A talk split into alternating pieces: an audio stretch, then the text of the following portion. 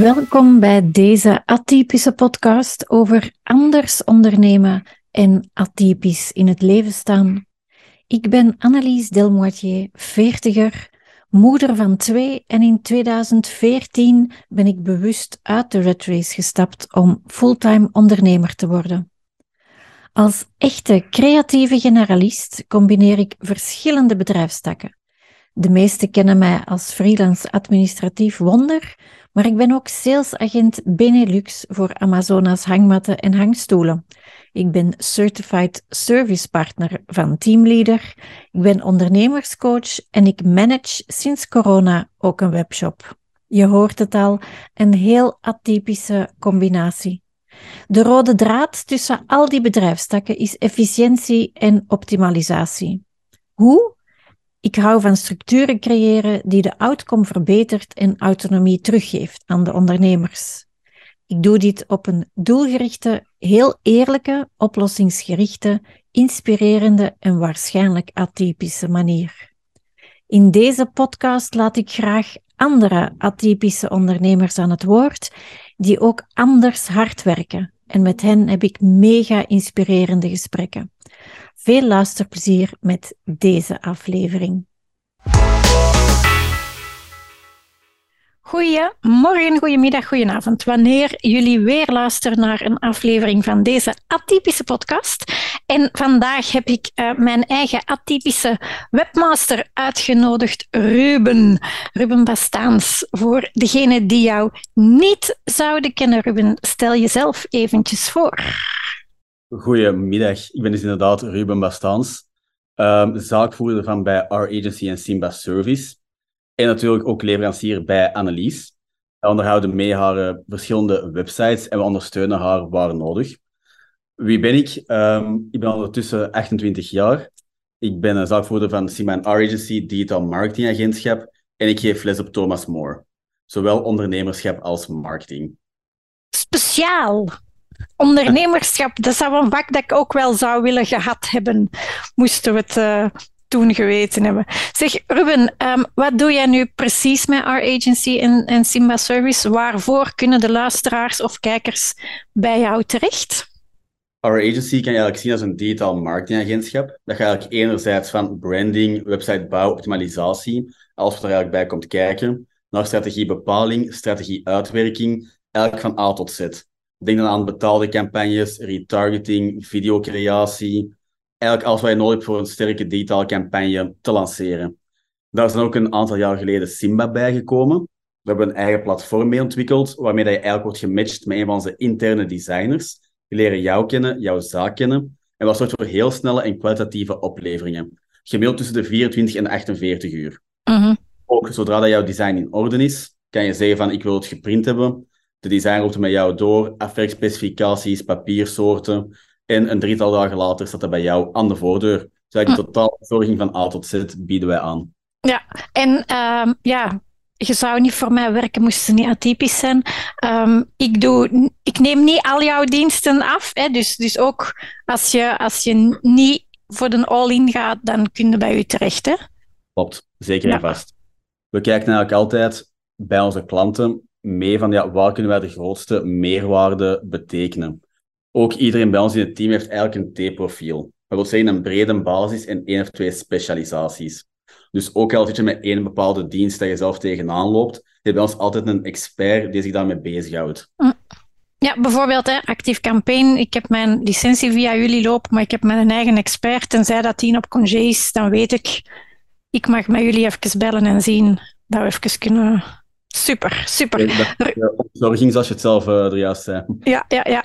Uh, ja, en over ontzorging gesproken, ik ben zelf hè, gehackt geweest toen dat jullie nog maar net voor mij werkten, of, of een jaar of zoiets voor mij werkten. Dat weet ik nog, dat ik ineens een telefoon krijg, Annelies, um, die link op je website marcheert niet meer. En dat ik ging kijken en ik denk, tja.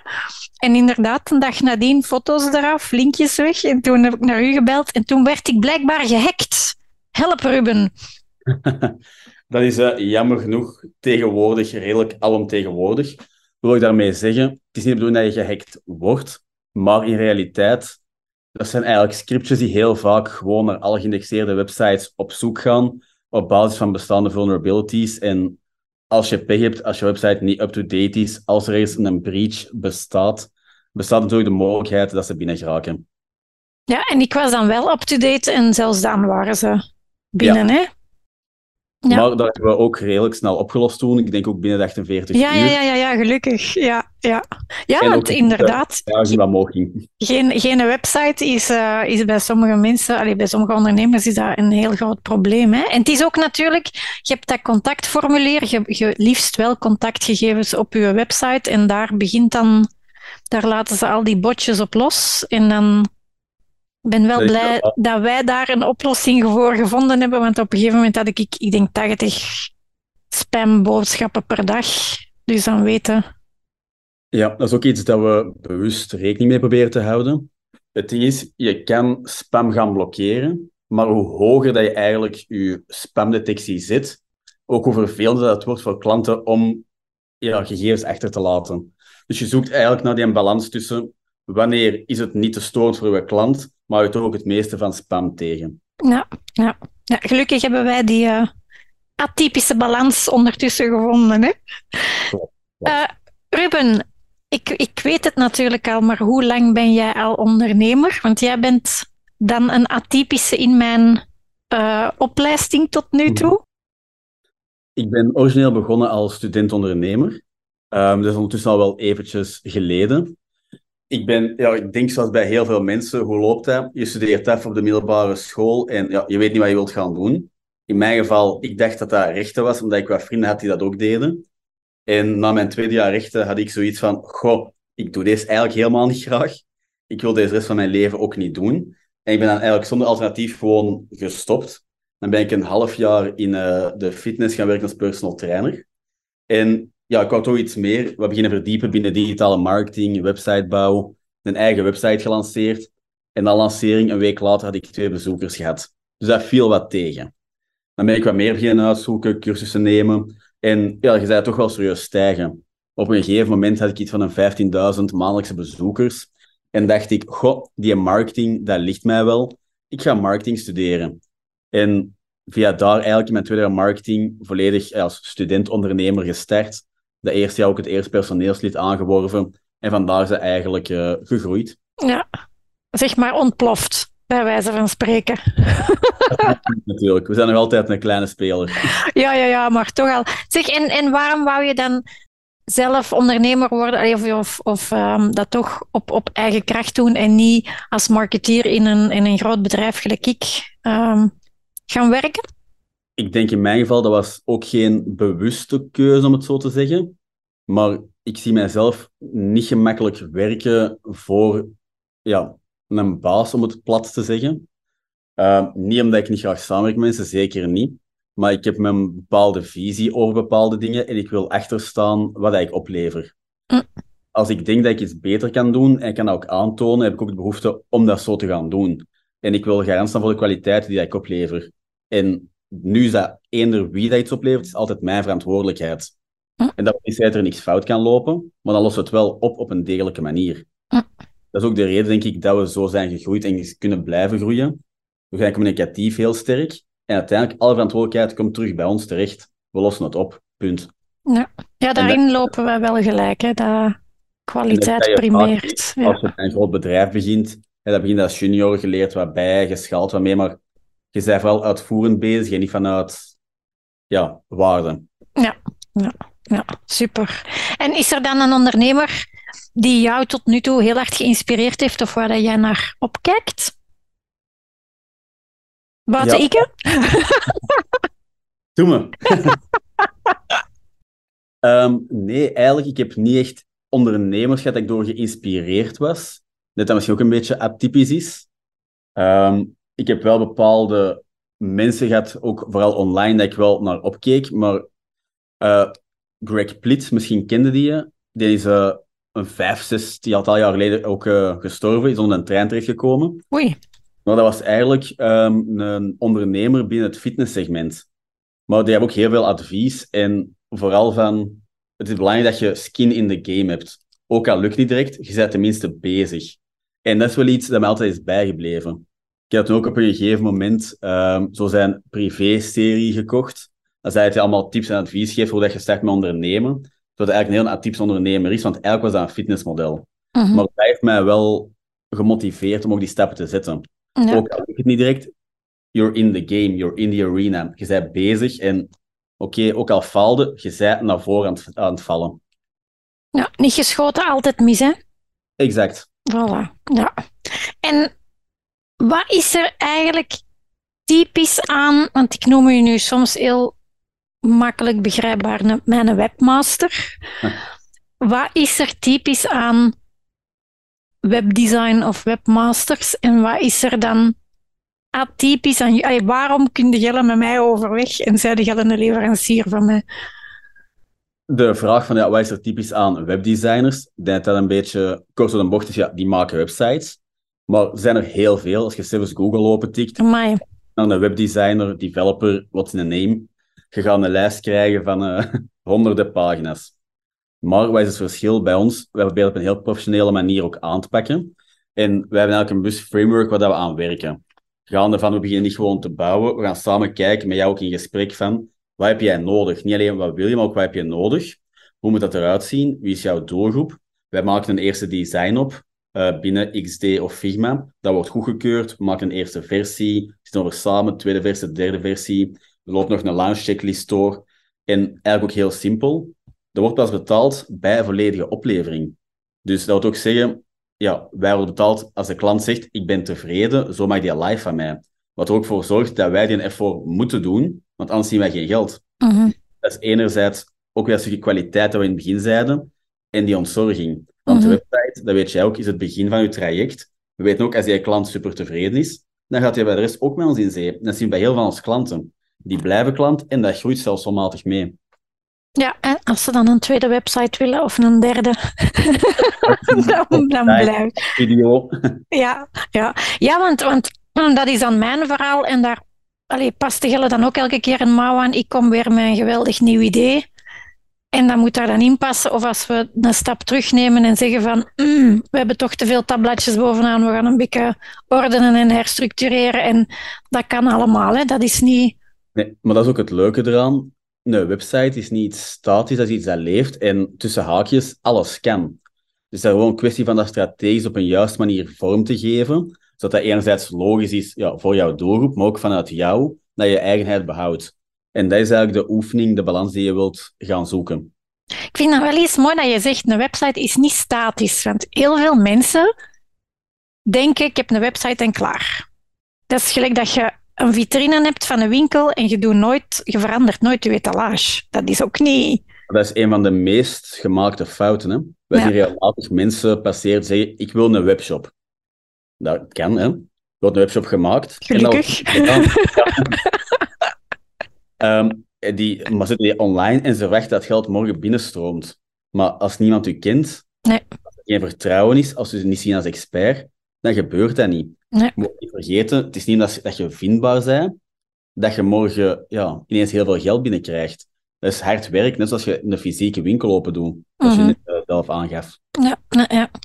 Ruben, wat is tot nu toe uw aha-moment geweest dat je dacht van, damn, ik ben keigoed bezig? Ik denk, ik, ik ben keigoed bezig dat dat er nog niet in zit. Als antwoorden, ik ben tevreden met waar we naartoe aan het gaan zijn, met waar dat ik naartoe aan het werken ben. Ik ben nog niet tevreden met waar dat we zijn. Oké. Echt aha-moment, natuurlijk, je weet dat ook als ondernemer, dat is ups en downs. En vaak allemaal gecombineerd in één dag zelfs. Van, de rekening staat op nul, de rekening staat nega- negatief, maar ah, er staat toch 50.000 euro extra op. Op twee dagen verschil. Dus constant up-downs. En we zijn een mooi traject aan het afleggen, dat zeker wel. Maar we zijn zeker nog niet wat ik wil zijn. Mhm. En misschien om daar nog op aan te vullen, wat mij ook heel hard de ogen heeft geopend. Ik denk altijd, ja, waarom gebeurt dat bij mij? Maar dat is bij iedereen zo. Iedereen doorloopt datzelfde traject. En naar de buitenwereld ziet dat altijd mooi en fantastisch uit. Maar als je s'avonds in het donker nog alleen achter een bureau zit, dat zien de mensen niet. Bij mij wel, want dan zien ze mails, als ze 's morgens inloggen, dan zien ze al die mails die s'avonds nog binnengekomen Ja. zijn. Wel. Maar ja, ja, dat is ook bij mij. Hè. Ik ben s'morgens dan niet, niet, uh, niet present en ik begin dan s'avonds wakker te worden. Of mijn lijf begint wakker te worden s'avonds. Ruben, tot nu toe, waar ben je het meeste fier over of trots op? Is dat dan Simba erbij nemen? Of? Ik denk het totaaltraject.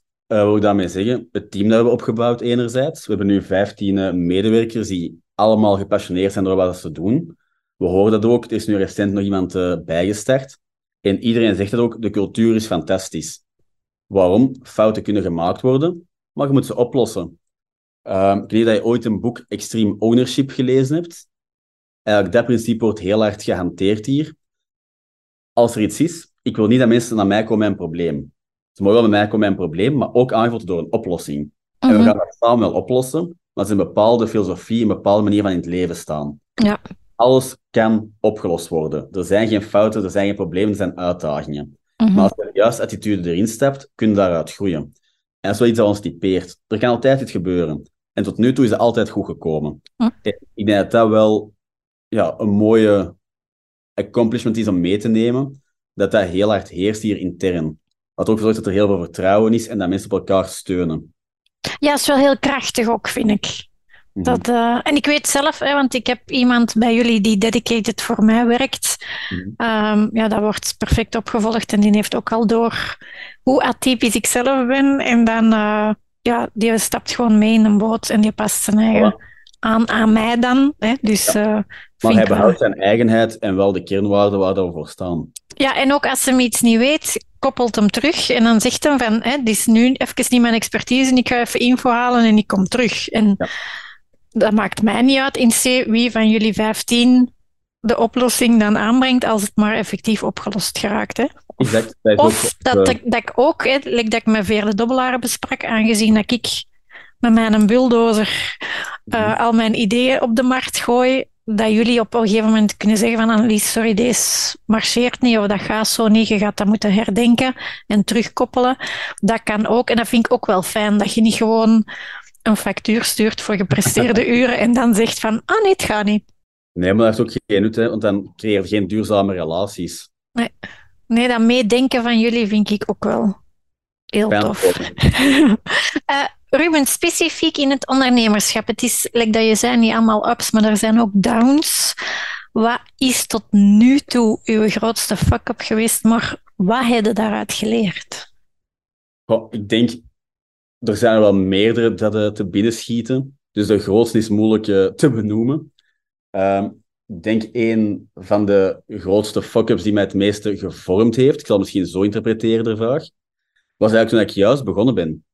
Dus uh, ik maak de keuze om zelfstandig te beginnen tijdens mijn studententijd. Ik maak de keuze om mijn eerste fulltime profiel aan te werven. En uh, op het moment dat die persoon effectief startte, viel mijn grootste klant weg. Oei. Elke dag. Dus eigenlijk, ik heb maanden een put gebouwd. Want ja, die klant betaalde die zijn loon en meer. En je moet ineens op zoek gaan. En ja, je hebt eigenlijk met een contract aangeboden. Be an entrepreneur, they said. It will be fun, they said. Allee, ja. echt geen de put beginnen begraven. En daar heb ik wel heel hard uit geleerd dat het altijd wel het principe is, ja, zwemmen of verdrinken. Maar je kunt zwemmen. Je hebt je bandjes. Je kunt zwemmen, je hebt het geleerd. Je moet er alleen op een bepaalde manier mee leren omgaan. Dus dat is ook mijn grootste aha-moment. Alles is te managen, is te regelen. En het is misschien niet op de manier dat je het zelf wilt of optimaal hebt, maar alles kan. Hm. En dat heeft mij wel voor gevormd tot een ondernemer die ik nu ben. Mhm.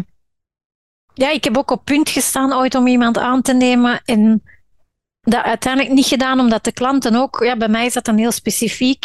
Mhm. Die willen mij, want die kennen mij, die willen mij een rugzak. En als ik iemand anders neem, bij wijze van spreken, het is niet omdat je kunt typen, dat je een secretariaat kunt runnen en dat je de issues ziet en, en uh, de, de, de, troubles in de administratieve processen. En ik, zie mhm. dat toevallig um, heel snel. En ik kan dan schakelen, maar het is, ja, andere mensen zien dat dan niet. En ik heb ooit effectief ook een klant gehad die zei van, van ja, hè, het is wel spijtig dat jij maar alleen bent, want ik denk, ja, maar als ik iemand aanneem hè, en ik zet die hier, nee, nee, nee, nee, nee, dat gaat niet. En bij u is dat dan wel inwisselbaar. Hè? Dat, is, dat is wel gelukkig dat je die expertises kunt uh, uitwisselen. Ik ben ook van overtuigd dat mensen heel hard coachable zijn. Als je attitude juist zit, En natuurlijk ja, een bepaalde mate van gezond verstand, laten we het noemen. Dan kan dat. Mensen zijn coachable. Wij gaan er ook vanuit als iemand bij ons start, die moet binnen de zes maanden volledig rendabel zijn en kunnen meedraaien. Maar dat wil zeggen dat je zes maanden de tijd hebt om je aan te passen. Mhm. Ja, maar ze moeten het willen natuurlijk. Hè? Klopt, vandaar. Ja. Ja, ja, ja. En een recent vraagje dat ik heb bijgekregen van de luisteraars. Wat is het meest atypische dat jij tot nu toe hebt uitgespookt met our agency?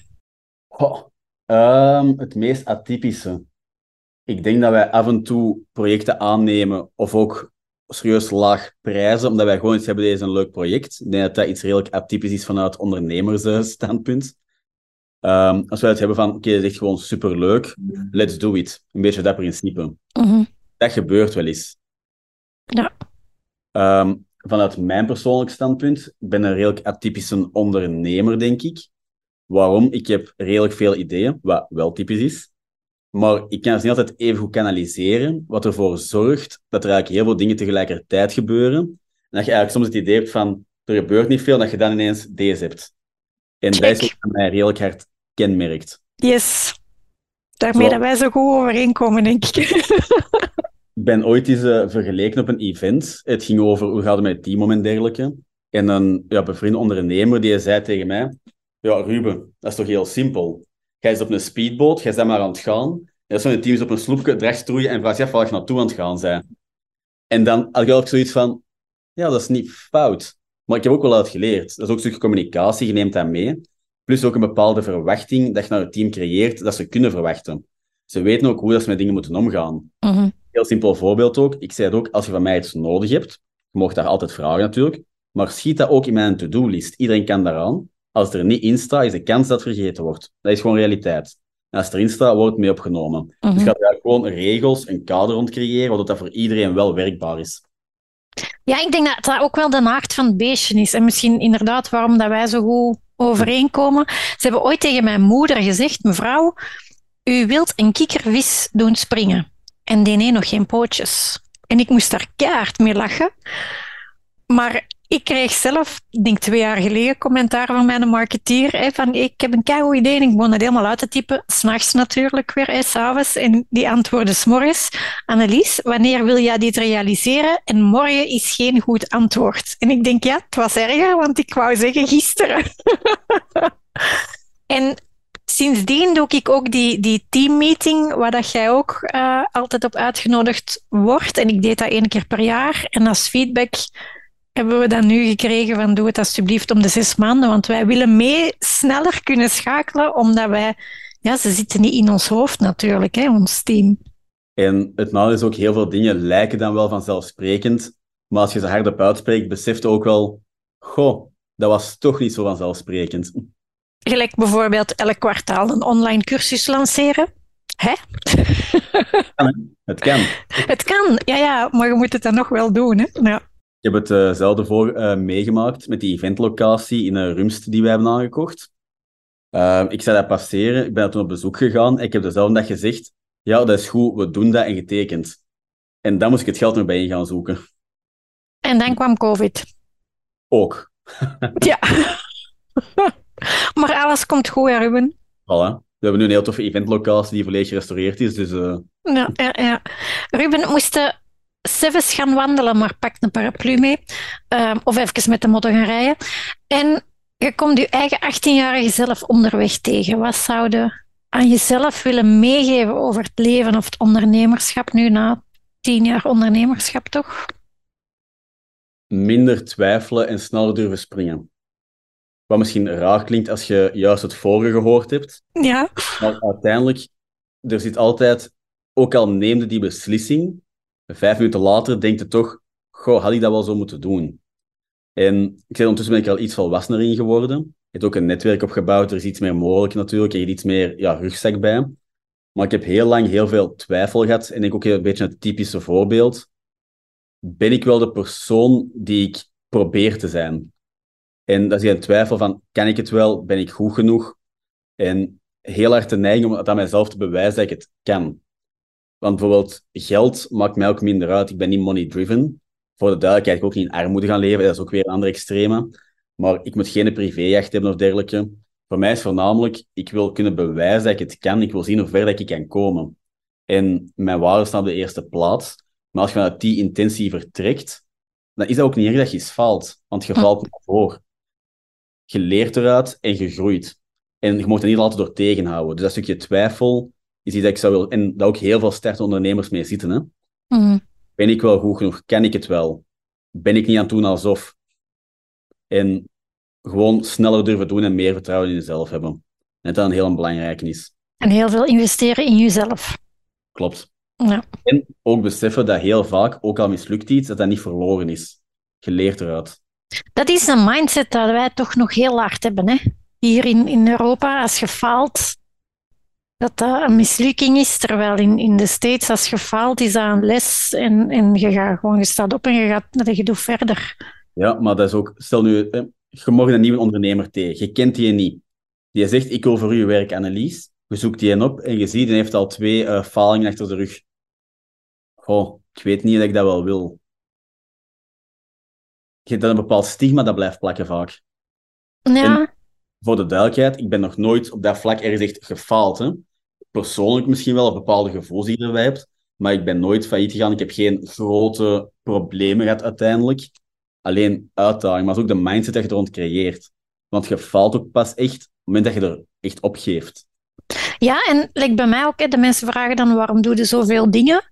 Ja, omdat ik daaruit geleerd heb. Hè. Als ik alleen admin zou doen, zit ik gevangen in dat uurtje factuurtje. Nu, met dit lijf is uurtje factuurtje geen goed idee. Dus zijn we dat tweede begonnen, die hangmatten op commissiemodel. Dan is er teamleader bijgekomen. Wat dat is een, een dure investering, want de mensen vergeten dat. Dus dat is elke zes weken een bijscholing, omdat effectief dat teamleaderprogramma verandert en wordt geüpdate. En ik moet altijd mee. Um, maar dat is weer een ander verdienmodel en, en zo blijf ik ook veranderen. En het is niet dat er effectief dat ik iets al gestopt ben, maar je creëert eigenlijk dat jij Simba bijgecreëerd hebt. Klopt. En het is ook de uitdaging die je steeds wilt blijven opzoeken. Hè? Dat dat voor jou hetzelfde ook is. Op het moment dat iets te vlot loopt, je wilt uitgedaagd worden en het moet ook gewoon leuk zijn. Anders is het boring. dat hebben wij dan ook weer gemeenschappelijk. Ja, ja. Ruben, je weet dat ik heel veel lees. Ik zie achter jou ook een hele mooie boekenkast staan. Um, is er, um, ja, je hebt natuurlijk ook een nieuwtje, maar is er nog een boek dat jij gelezen hebt, waar je heel veel uit geleerd hebt, dat je op mijn te lezen stapel legt? Of wil je jouw nieuwigheid op mijn te lezen stapel leggen? Allebei. Um, ik zit momenteel op kantoor, dit is niet mijn boekenkast. Ik denk van zou verschieten bij mij thuis. Ik heb een uh, redelijk grote boekenkast staan. Ik lees zelf heel graag.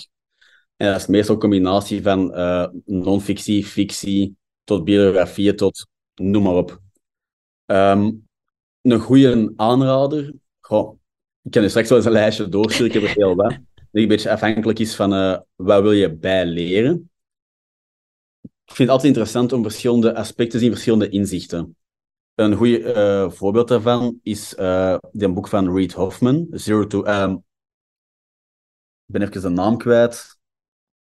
Komt wel. Ja, Reid Hoffman.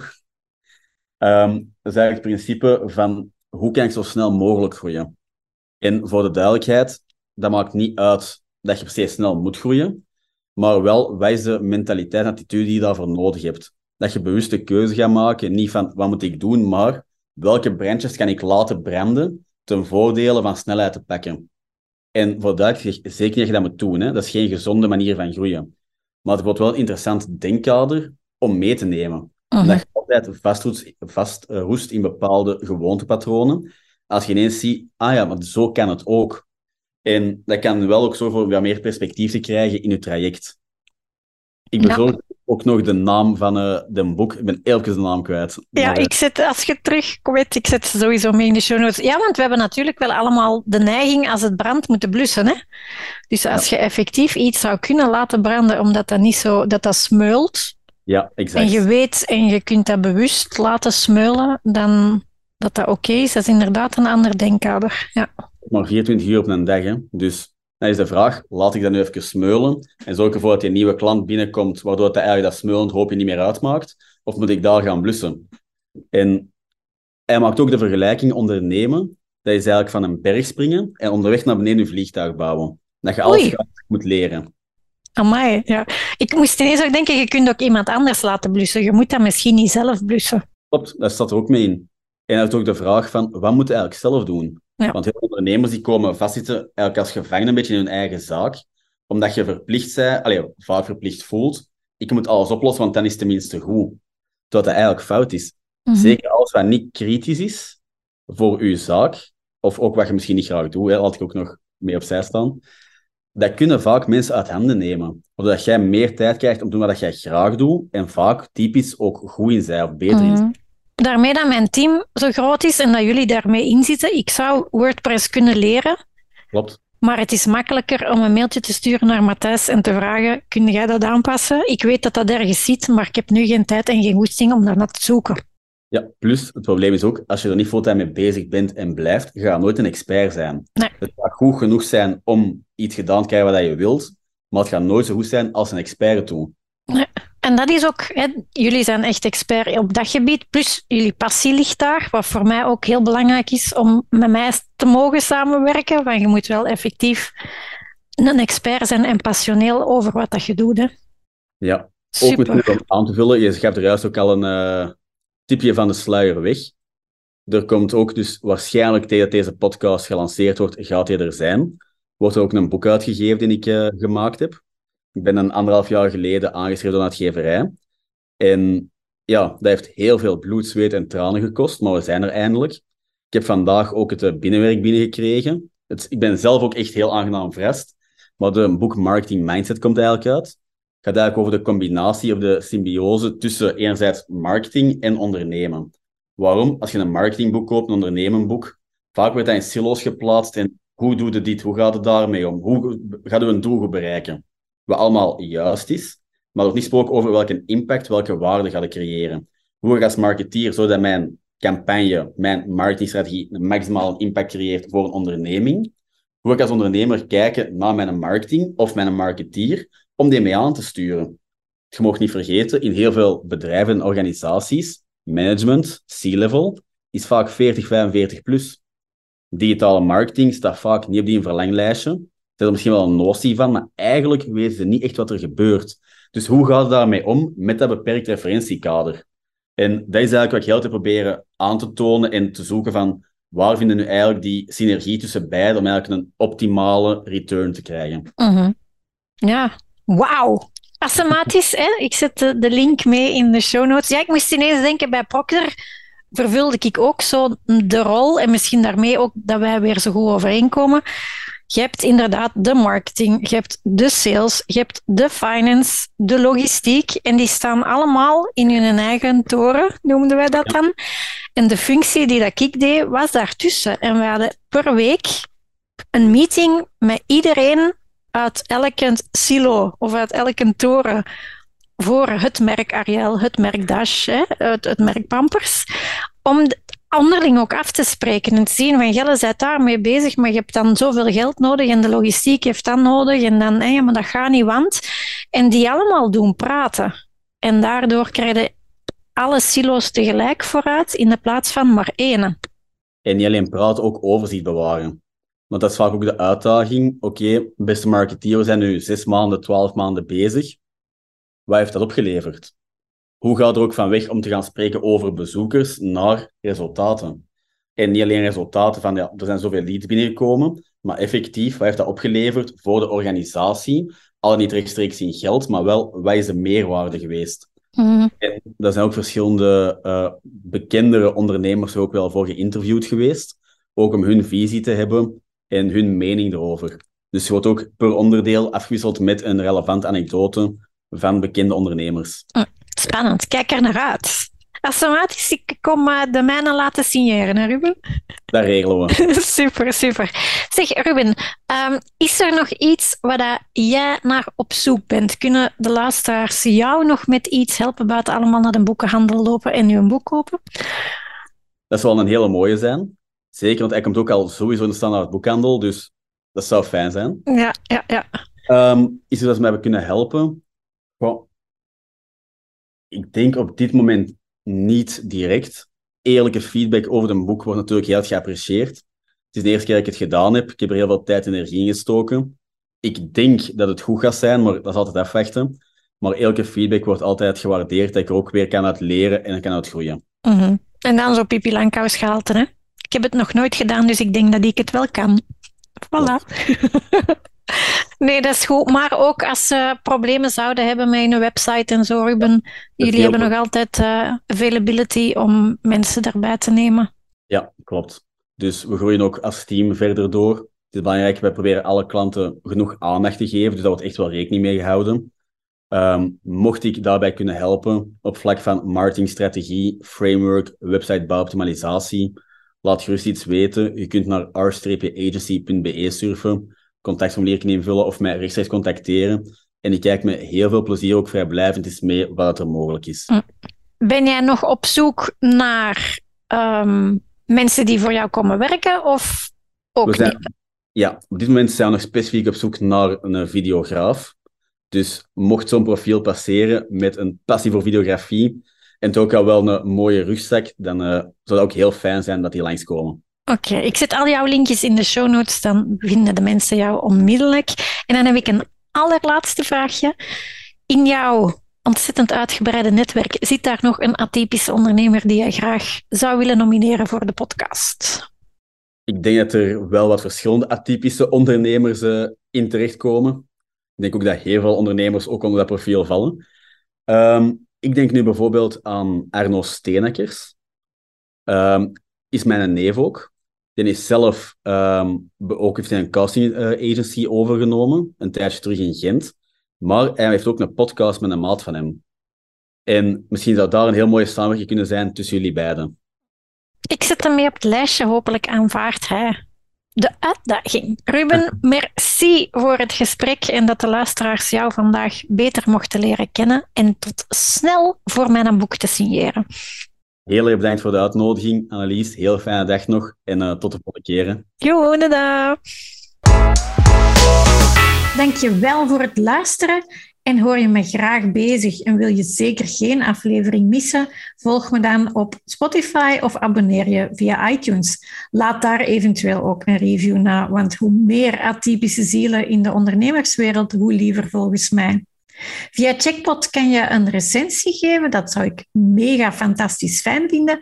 En heb je liever beeld bij de klank? Abonneer je dan zeker op mijn playlist op het YouTube-kanaal. De show notes kan je vinden via mijn website www.endless.biz podcast. En Endless is heel atypisch met de A van Annelies. Ik kijk alvast uit naar de volgende aflevering en hopelijk jullie ook. Tada!